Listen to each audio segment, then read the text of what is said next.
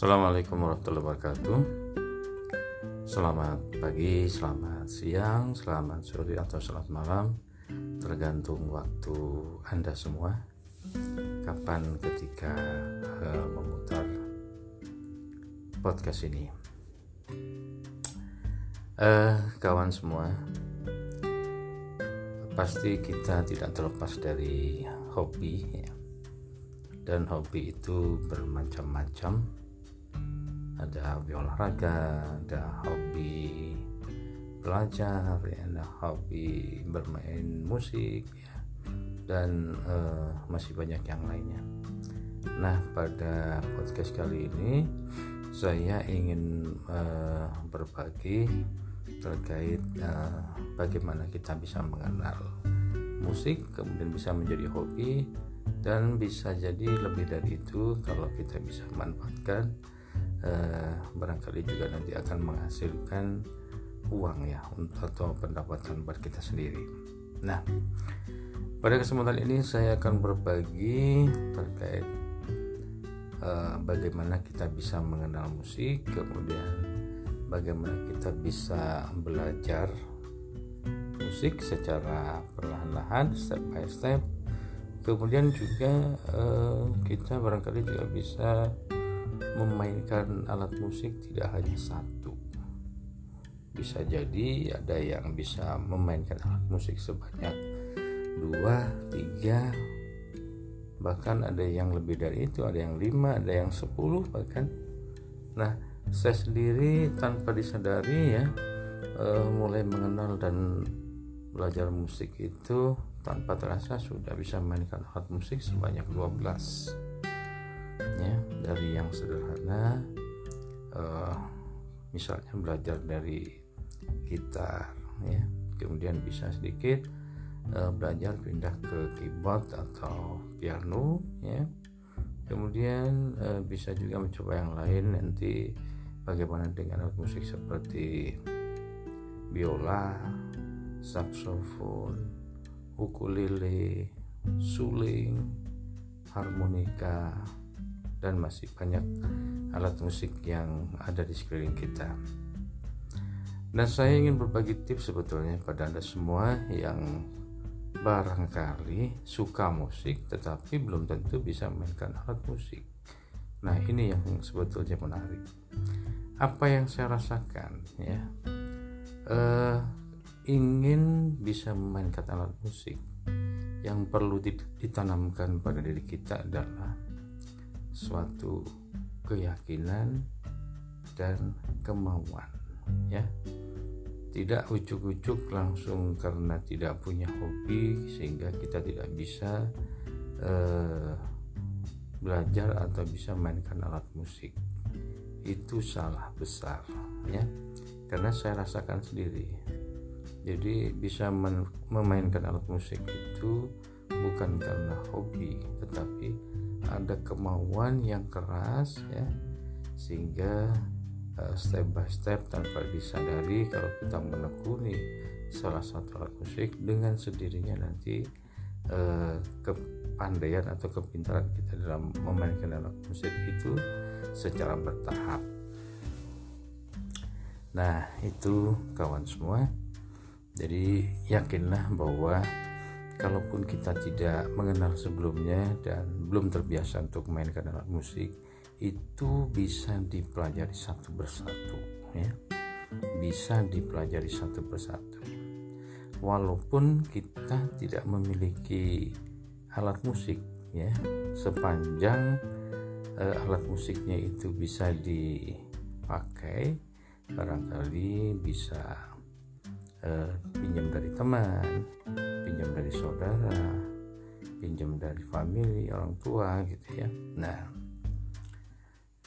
jadi menurut hemat saya selama kita mempunyai kemauan yang keras yang tinggi untuk belajar insya Allah nanti dengan sendirinya uh, pasti kita dapatkan ya.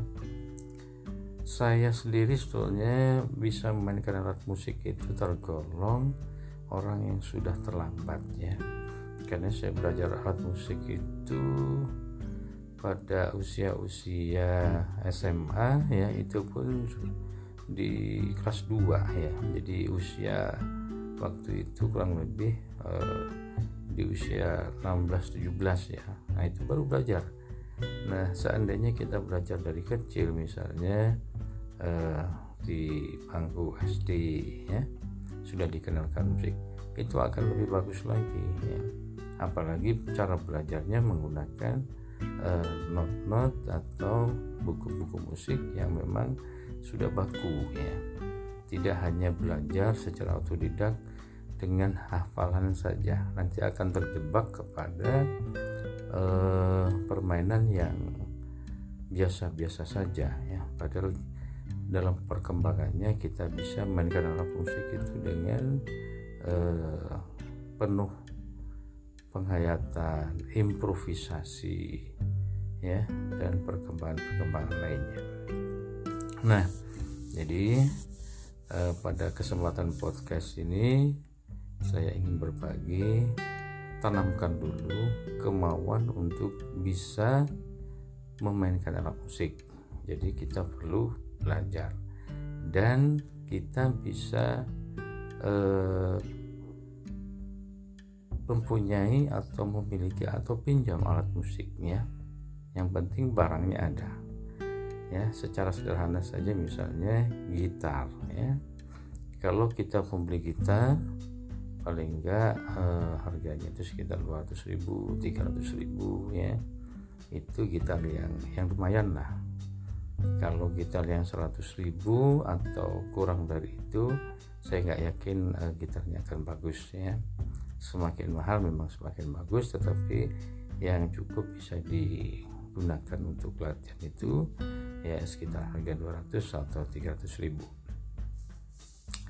nah Kemudian kalau kita sudah punya alat musik itu adalah modal utama yang kita miliki atau sementara yang kita kuasai atau kita punya karena dari pinjam ya atau dari orang lain yang yang meminjami kita.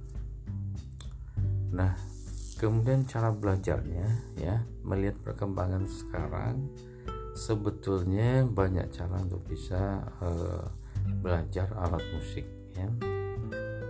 Dari perkembangan teknologi di YouTube itu ya kita tahu semua YouTube ya. Di YouTube itu banyak sekali tutorial atau cara-cara e, belajar secara cepat, secara mudah itu banyak sekali baik berupa video maupun e, apa namanya alat bantu dari buku-buku musik yang ada di e, searching di Google maupun di YouTube. Nah, jadi tidak ada kata terlambat untuk bisa mengenal alat musik dan e, berusaha untuk memainkannya. Yang penting tadi menurut saya tadi yang utama adalah apa? Kemauan dulu yang perlu ditanamkan pada diri kita. Nah, kemudian setelah nanti uh, step by step kita mengenal alat musik ya, mulai dari alat itu sendiri kemudian senar ya kemudian eh, kita nanti akan dikenalkan dengan eh, yang namanya solmisasi kemudian oktav kemudian akordnya atau grip gitu ya. Jadi kombinasi dari not itu akan eh, menjadi satu harmonisasi yaitu yang yang dinamakan chord ya. Chord itu biasanya ditunjukkan oleh notasi atau huruf uh, C gitu ya C do sama dengan C D E F G A B C dan seterusnya gitu ya. Nah uh, saran saya ya agar kita bisa memainkan alat musik berarti kita harus uh, punya kemauan dulu kemudian kita pikirkan cara belajarnya ya. Belajar bisa dari teknologi dari YouTube maupun dari teman yang sudah lebih dulu e, bisa memainkan alat ya.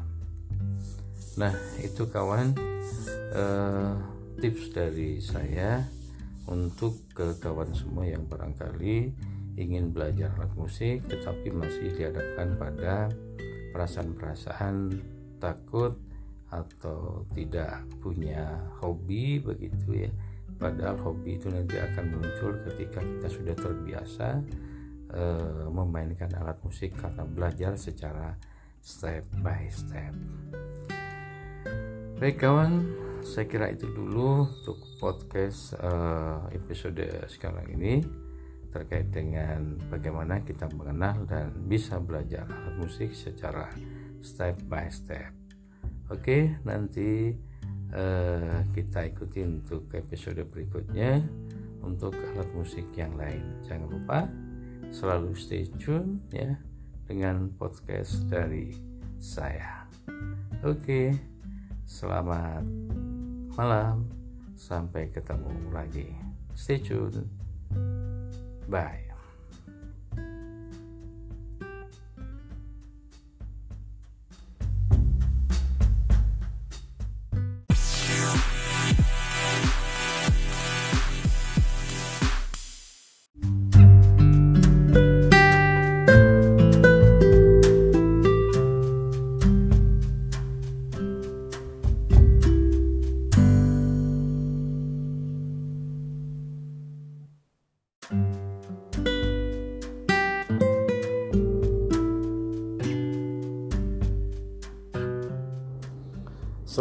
Warahmatullahi wabarakatuh Selamat pagi, selamat siang, selamat sore atau selamat malam.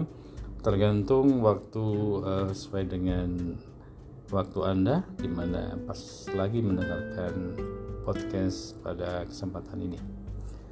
Baik kawan semua, di kesempatan podcast pagi ini, siang ini, sore ini, dan malam hari ini Saya ingin mengajak untuk uh, ngobrol bareng ya ngobrol asik ngobrol bersama saya Bang Irwan.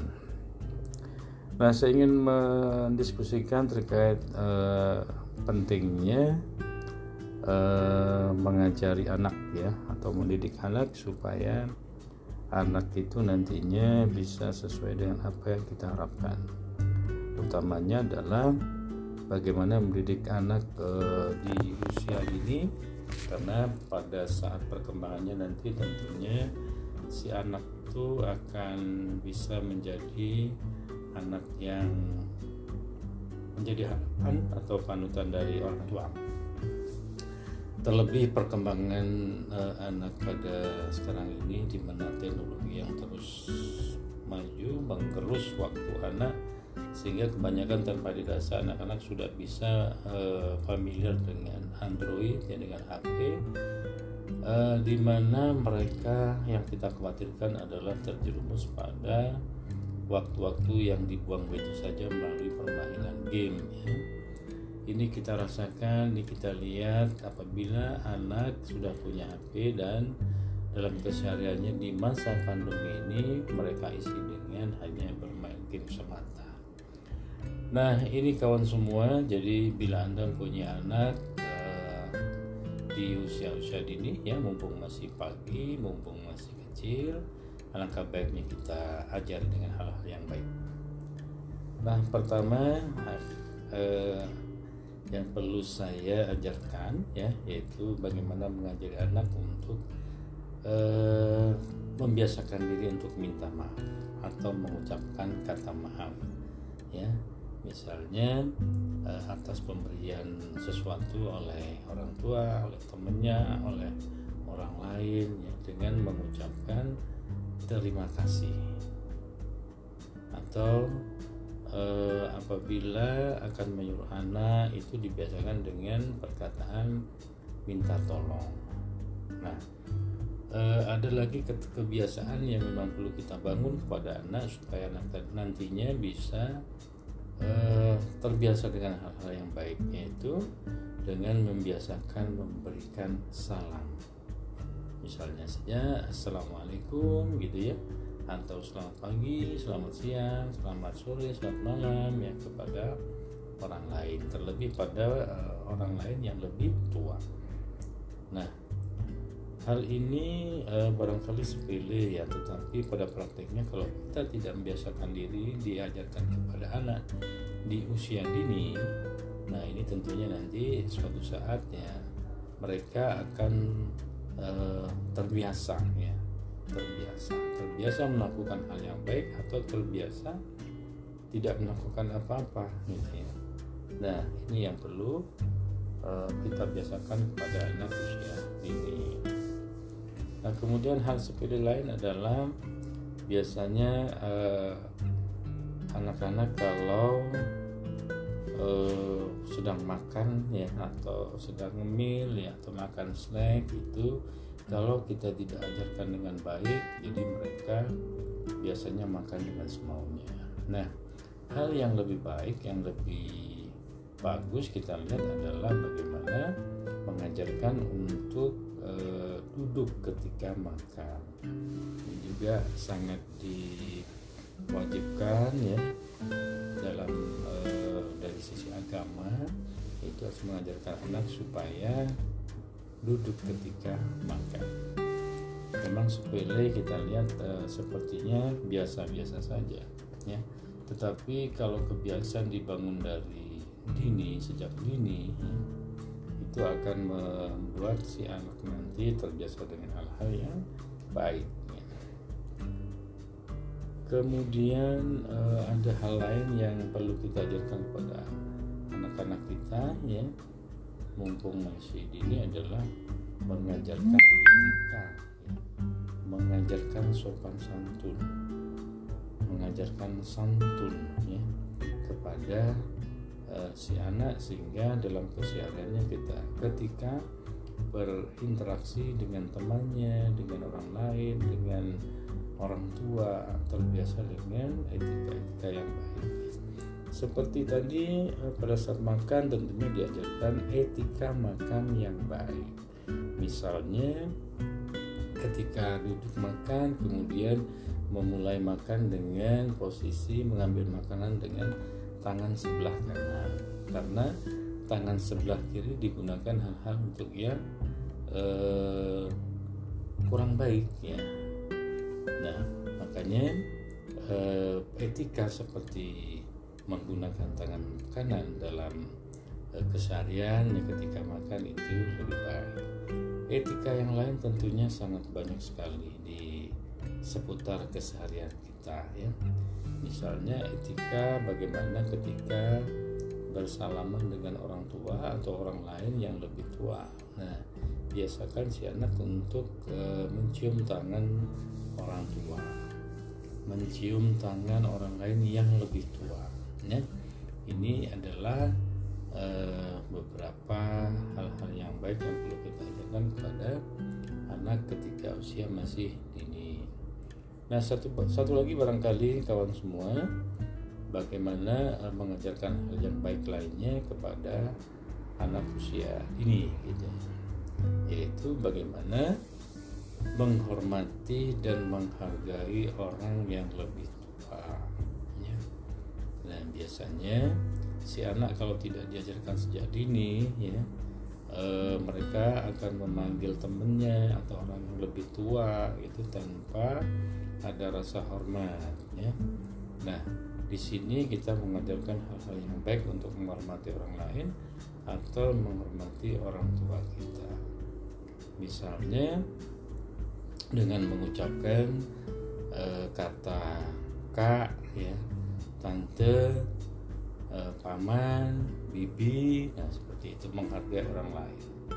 Demikian juga ke temannya sendiri yang lebih tua nah itu juga bisa disampaikan bisa dikatakan dengan sebutan manggil kakak ataupun uh, sebutan-sebutan lain kepada yang lebih tua. Nah, itu kawan semua kurang lebih ada empat poin ya terkait apa-apa yang perlu kita ajarkan kepada anak-anak di usia dini. Mudah-mudahan bermanfaat bagi kita semua, khususnya kita sebagai orang tua. Assalamualaikum warahmatullahi wabarakatuh.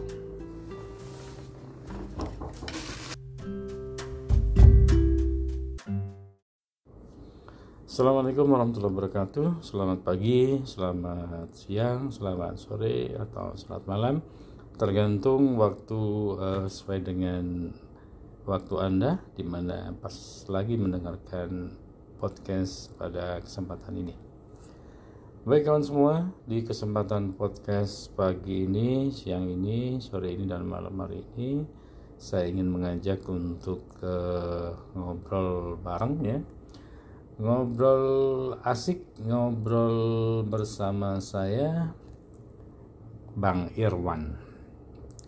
Nah, saya ingin mendiskusikan terkait eh, pentingnya eh, mengajari anak ya atau mendidik anak supaya anak itu nantinya bisa sesuai dengan apa yang kita harapkan.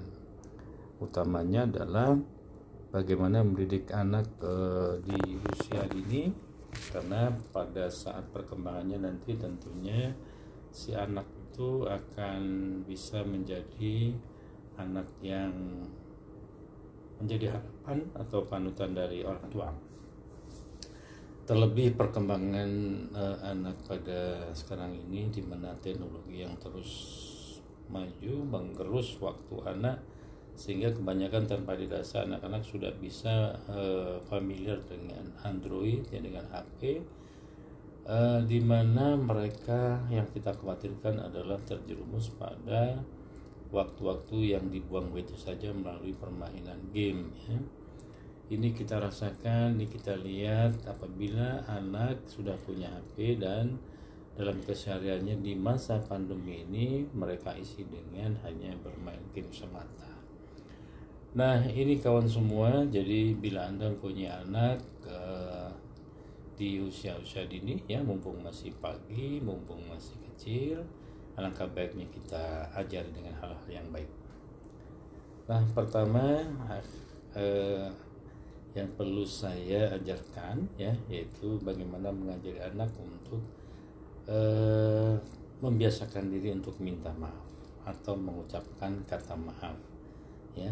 Misalnya uh, atas pemberian sesuatu oleh orang tua, oleh temannya, oleh orang lain ya dengan mengucapkan terima kasih atau uh, apabila akan menyuruh anak itu dibiasakan dengan perkataan minta tolong. Nah, uh, ada lagi kebiasaan yang memang perlu kita bangun kepada anak supaya nantinya bisa uh, terbiasa dengan hal-hal yang baik yaitu dengan membiasakan memberikan salam misalnya saja assalamualaikum gitu ya atau selamat pagi, selamat siang, selamat sore, selamat malam ya kepada orang lain. Terlebih pada uh, orang lain yang lebih tua. Nah, hal ini uh, barangkali sepele ya, tetapi pada prakteknya kalau kita tidak membiasakan diri diajarkan kepada anak di usia dini nah ini tentunya nanti suatu saat ya mereka akan uh, terbiasa ya terbiasa. Terbiasa melakukan hal yang baik atau terbiasa tidak melakukan apa-apa gitu ya. Nah ini yang perlu uh, kita biasakan kepada anak usia dini. Nah kemudian hal sepele lain adalah biasanya uh, anak-anak kalau uh, sedang makan ya atau sedang ngemil ya atau makan snack itu kalau kita tidak ajarkan dengan baik jadi mereka biasanya makan dengan semaunya. Nah hal yang lebih baik yang lebih bagus kita lihat adalah bagaimana mengajarkan untuk uh, duduk ketika makan. Ini juga sangat di wajibkan ya dalam e, dari sisi agama. Itu harus mengajarkan anak supaya duduk ketika makan. Memang sepele kita lihat e, sepertinya biasa-biasa saja ya. Tetapi kalau kebiasaan dibangun dari dini sejak dini ya, itu akan membuat si anak nanti terbiasa dengan hal-hal yang baik ya. Kemudian uh, ada hal lain yang perlu kita ajarkan kepada anak-anak kita ya mumpung masih dini adalah mengajarkan etika ya mengajarkan sopan santun mengajarkan santun ya kepada uh, si anak sehingga dalam kesehariannya kita ketika berinteraksi dengan temannya, dengan orang lain, dengan orang tua terbiasa dengan etika-etika yang baik. Seperti tadi eh, pada saat makan tentunya diajarkan etika makan yang baik. Misalnya ketika duduk makan kemudian memulai makan dengan posisi mengambil makanan dengan tangan sebelah kanan karena tangan sebelah kiri digunakan hal-hal untuk yang eh, kurang baik ya nah makanya eh, etika seperti menggunakan tangan kanan dalam eh, keseharian ya ketika makan itu lebih baik. Etika yang lain tentunya sangat banyak sekali di seputar keseharian kita ya. Misalnya etika bagaimana ketika bersalaman dengan orang tua atau orang lain yang lebih tua. Nah biasakan si anak untuk e, mencium tangan orang tua mencium tangan orang lain yang lebih tua ya ini adalah e, beberapa hal-hal yang baik yang perlu kita ajarkan kepada anak ketika usia masih dini Nah satu satu lagi barangkali kawan semua bagaimana uh, mengajarkan hal yang baik lainnya kepada anak usia ini gitu yaitu bagaimana menghormati dan menghargai orang yang lebih. Nah biasanya si anak kalau tidak diajarkan sejak dini ya e, mereka akan memanggil temennya atau orang yang lebih tua itu tanpa ada rasa hormat ya. Nah, di sini kita mengajarkan hal-hal yang baik untuk menghormati orang lain atau menghormati orang tua kita. Misalnya dengan mengucapkan e, kata kak ya, tante, e, paman, bibi, nah seperti itu menghargai orang lain. Demikian juga ke temannya sendiri yang lebih tua, nah itu juga bisa disampaikan bisa dikatakan dengan sebutan manggil kakak ataupun eh, sebutan-sebutan lain kepada yang lebih. Nah, itu kawan semua kurang lebih ada empat poin ya terkait apa-apa yang perlu kita ajarkan kepada anak-anak di usia dini. Mudah-mudahan bermanfaat bagi kita semua, khususnya kita sebagai orang tua. Assalamualaikum warahmatullahi wabarakatuh.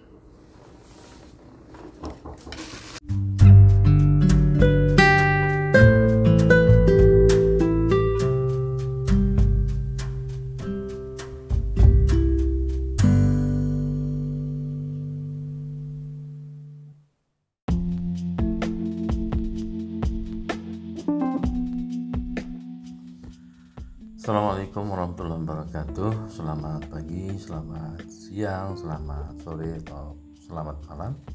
Sesuai dengan waktu Anda ketika mendengarkan podcast kali ini.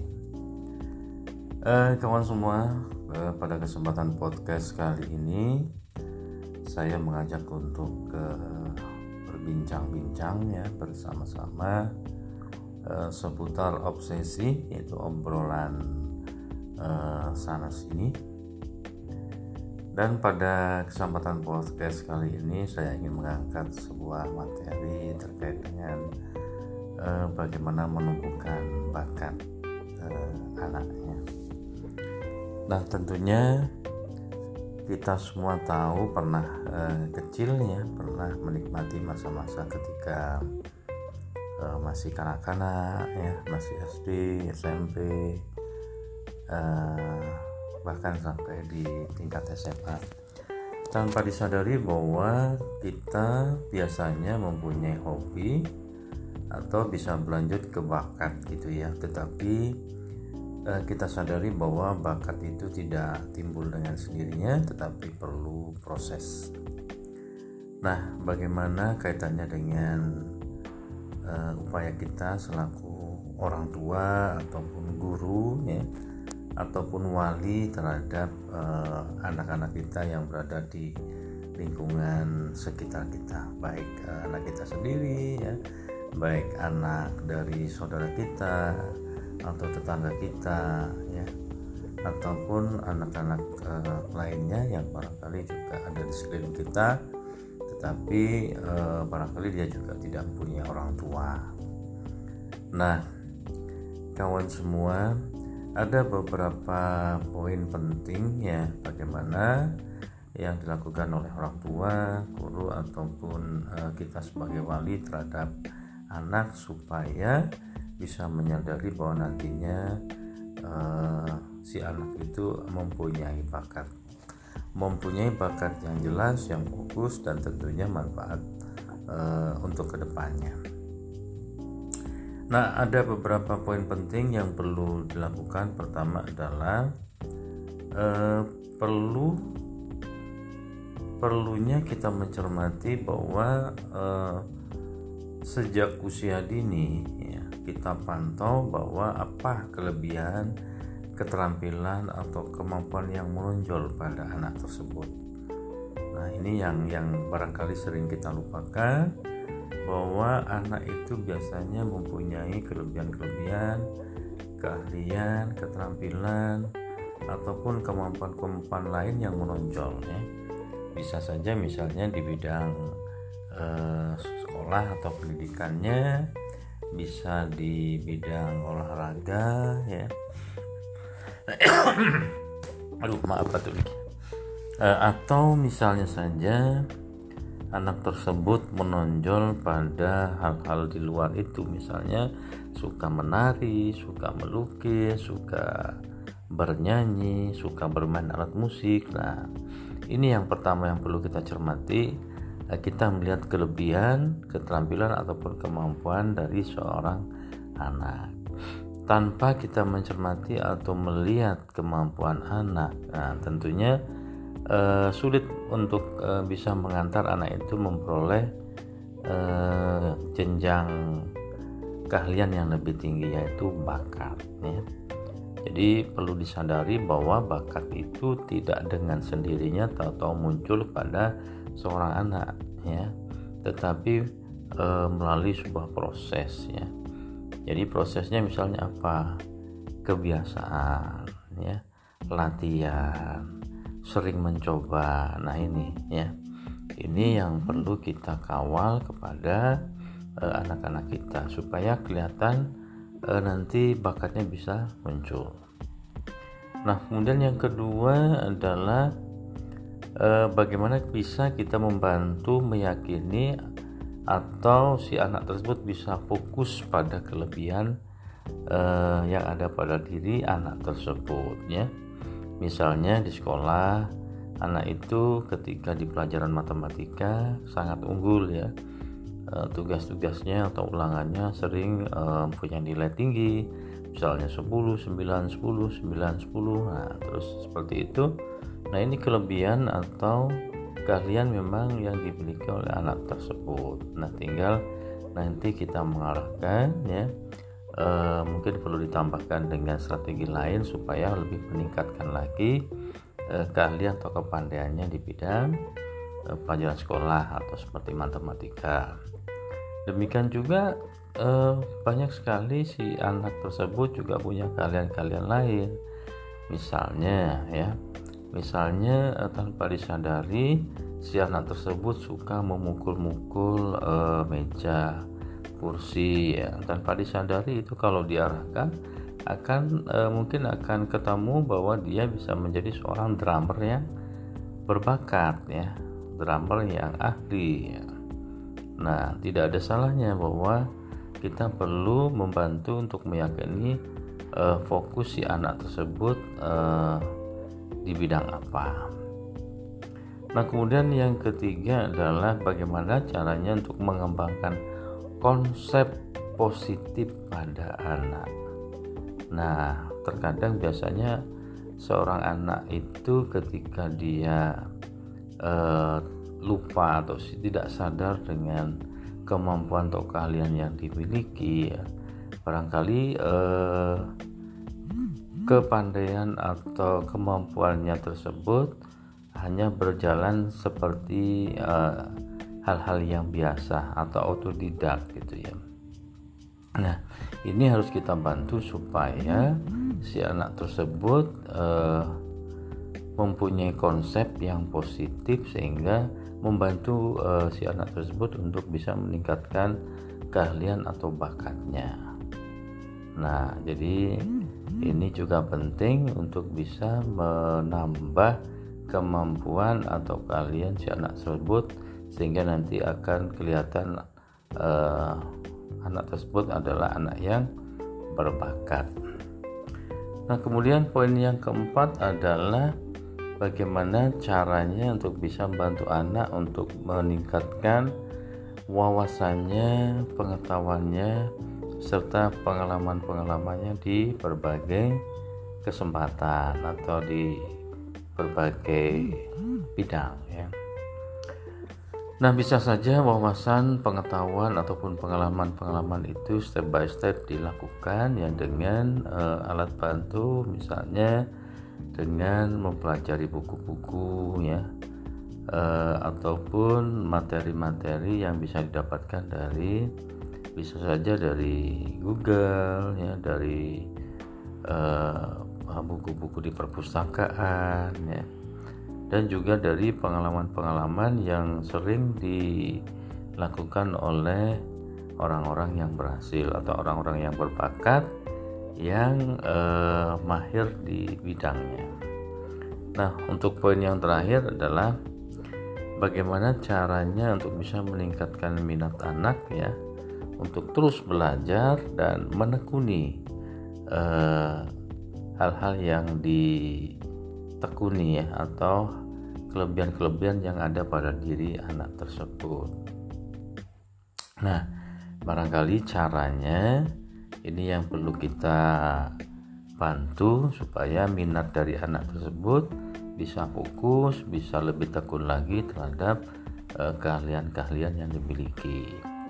Misalnya seorang anak yang ingin bernyanyi atau ingin bisa bermain alat musik tentunya perlu alat bantu alat musik ya ataupun materi-materi terkait dengan bagaimana cara menyanyi yang baik. Nah, nah untuk selanjutnya tinggal eh, dikembangkan apabila sudah terbiasa dengan cara-cara untuk eh, menekuni keahlian tersebut.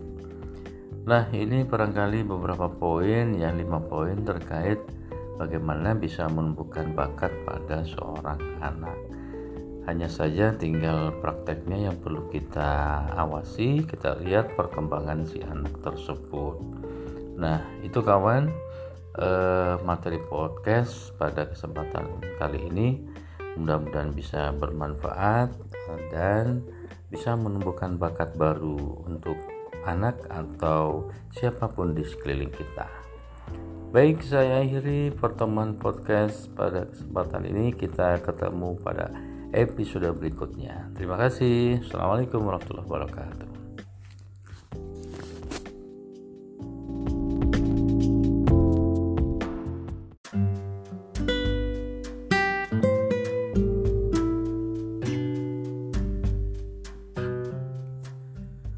Assalamualaikum warahmatullahi wabarakatuh.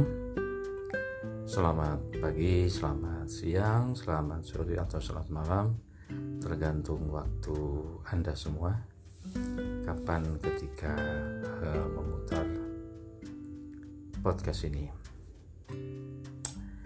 Uh, kawan semua, pasti kita tidak terlepas dari hobi ya. dan hobi itu bermacam-macam. Ada hobi olahraga, ada hobi belajar ya nah, hobi bermain musik ya dan uh, masih banyak yang lainnya.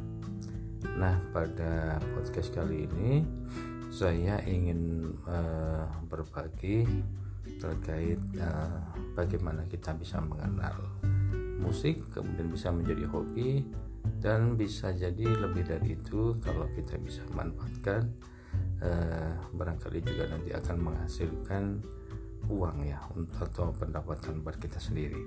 Nah, pada kesempatan ini saya akan berbagi terkait uh, bagaimana kita bisa mengenal musik, kemudian bagaimana kita bisa belajar musik secara perlahan-lahan, step by step. Kemudian juga uh, kita barangkali juga bisa memainkan alat musik tidak hanya satu. Bisa jadi ada yang bisa memainkan alat musik sebanyak dua tiga bahkan ada yang lebih dari itu ada yang lima ada yang sepuluh bahkan.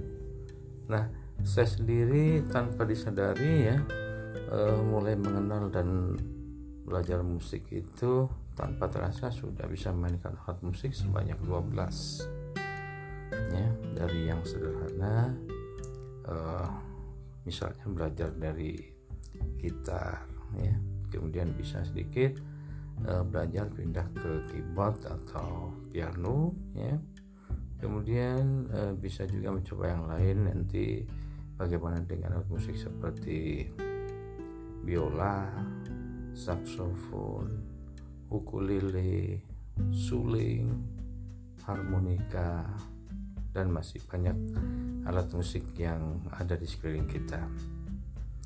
Dan saya ingin berbagi tips sebetulnya pada Anda semua yang barangkali suka musik tetapi belum tentu bisa memainkan alat musik. Nah, ini yang sebetulnya menarik. Apa yang saya rasakan ya, uh, ingin bisa memainkan alat musik, yang perlu ditanamkan pada diri kita adalah suatu keyakinan dan kemauan, ya. Tidak ucuk-ucuk langsung karena tidak punya hobi sehingga kita tidak bisa uh, belajar atau bisa mainkan alat musik. Itu salah besar ya. Karena saya rasakan sendiri. Jadi bisa memainkan alat musik itu bukan karena hobi tetapi ada kemauan yang keras ya. Sehingga Eh, step by step tanpa disadari kalau kita menekuni salah satu alat musik dengan sendirinya nanti eh, kepandaian atau kepintaran kita dalam memainkan alat musik itu secara bertahap. Nah, itu kawan semua. Jadi yakinlah bahwa kalaupun kita tidak mengenal sebelumnya dan belum terbiasa untuk memainkan alat musik, itu bisa dipelajari satu persatu ya. Bisa dipelajari satu persatu. Walaupun kita tidak memiliki alat musik ya. Sepanjang uh, alat musiknya itu bisa dipakai barangkali bisa uh, pinjam dari teman pinjam dari saudara pinjam dari family orang tua gitu ya. Nah jadi menurut hemat saya selama kita mempunyai kemauan yang keras yang tinggi untuk belajar insya Allah nanti dengan sendirinya uh, pasti kita dapatkan ya. Saya sendiri sebetulnya bisa memainkan alat musik itu tergolong orang yang sudah terlambat ya.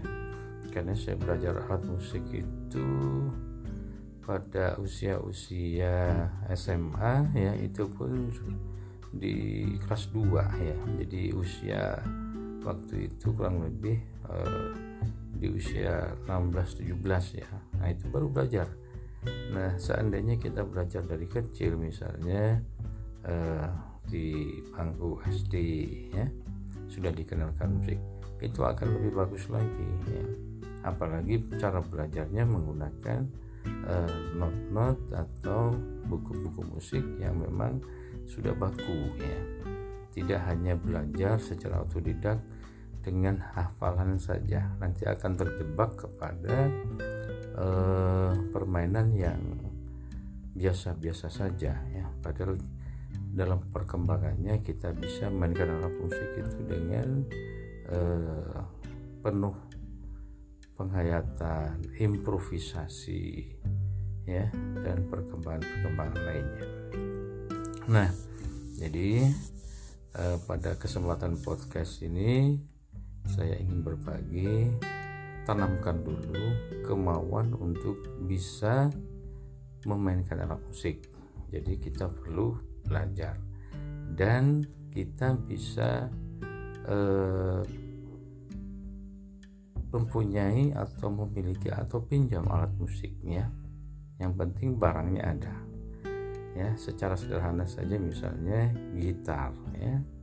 Kalau kita membeli gitar paling enggak eh, harganya itu sekitar 200 ribu 300 ribu ya. Itu gitar yang yang lumayan lah. Kalau gitar yang 100 ribu atau kurang dari itu saya nggak yakin uh, gitarnya akan bagus ya semakin mahal memang semakin bagus tetapi yang cukup bisa digunakan untuk latihan itu ya sekitar harga 200 atau 300 ribu. Nah kemudian kalau kita sudah punya alat musik itu adalah modal utama yang kita miliki atau sementara yang kita kuasai atau kita punya karena dari pinjam ya atau dari orang lain yang yang meminjami kita Nah, kemudian cara belajarnya ya, melihat perkembangan sekarang sebetulnya banyak cara untuk bisa uh, belajar alat musik ya. Dari perkembangan teknologi di YouTube itu ya kita tahu semua YouTube ya. Di YouTube itu banyak sekali tutorial atau cara-cara uh, belajar secara cepat, secara mudah itu banyak sekali baik berupa video maupun eh, apa namanya alat bantu dari buku-buku musik yang ada di eh, searching di Google maupun di YouTube. Nah, jadi tidak ada kata terlambat untuk bisa mengenal alat musik dan eh, berusaha untuk memainkannya yang penting tadi menurut saya tadi yang utama adalah apa? Kemauan dulu yang perlu ditanamkan pada diri kita. Nah kemudian setelah nanti uh, step by step kita mengenal alat musik ya mulai dari alat itu sendiri kemudian senar ya kemudian uh, kita nanti akan dikenalkan dengan yang namanya solmisasi kemudian oktav kemudian akordnya atau grip gitu ya. Jadi kombinasi dari not itu akan e, menjadi satu harmonisasi yaitu yang yang dinamakan chord ya. Chord itu biasanya ditunjukkan oleh notasi atau huruf e, C gitu ya C do sama dengan C D E F G H B C dan seterusnya gitu ya. Nah eh, saran saya ya agar kita bisa memainkan alat musik berarti kita harus eh, punya kemauan dulu kemudian kita pikirkan cara belajarnya ya. Belajar bisa dari teknologi dari YouTube maupun dari teman yang sudah lebih dulu eh, bisa memainkan alat musik ya. Nah itu kawan eh, tips dari saya untuk ke kawan semua yang barangkali ingin belajar alat musik tetapi masih dihadapkan pada perasaan-perasaan takut atau tidak punya hobi begitu ya padahal hobi itu nanti akan muncul ketika kita sudah terbiasa e, memainkan alat musik karena belajar secara step by step. Baik kawan, saya kira itu dulu untuk podcast uh, episode sekarang ini terkait dengan bagaimana kita mengenal dan bisa belajar alat musik secara step by step. Oke, nanti uh, kita ikuti untuk episode berikutnya untuk alat musik yang lain. Jangan lupa selalu stay tune ya dengan podcast dari saya. Oke, selamat malam. Sampai ketemu lagi. Stay tune. Bye.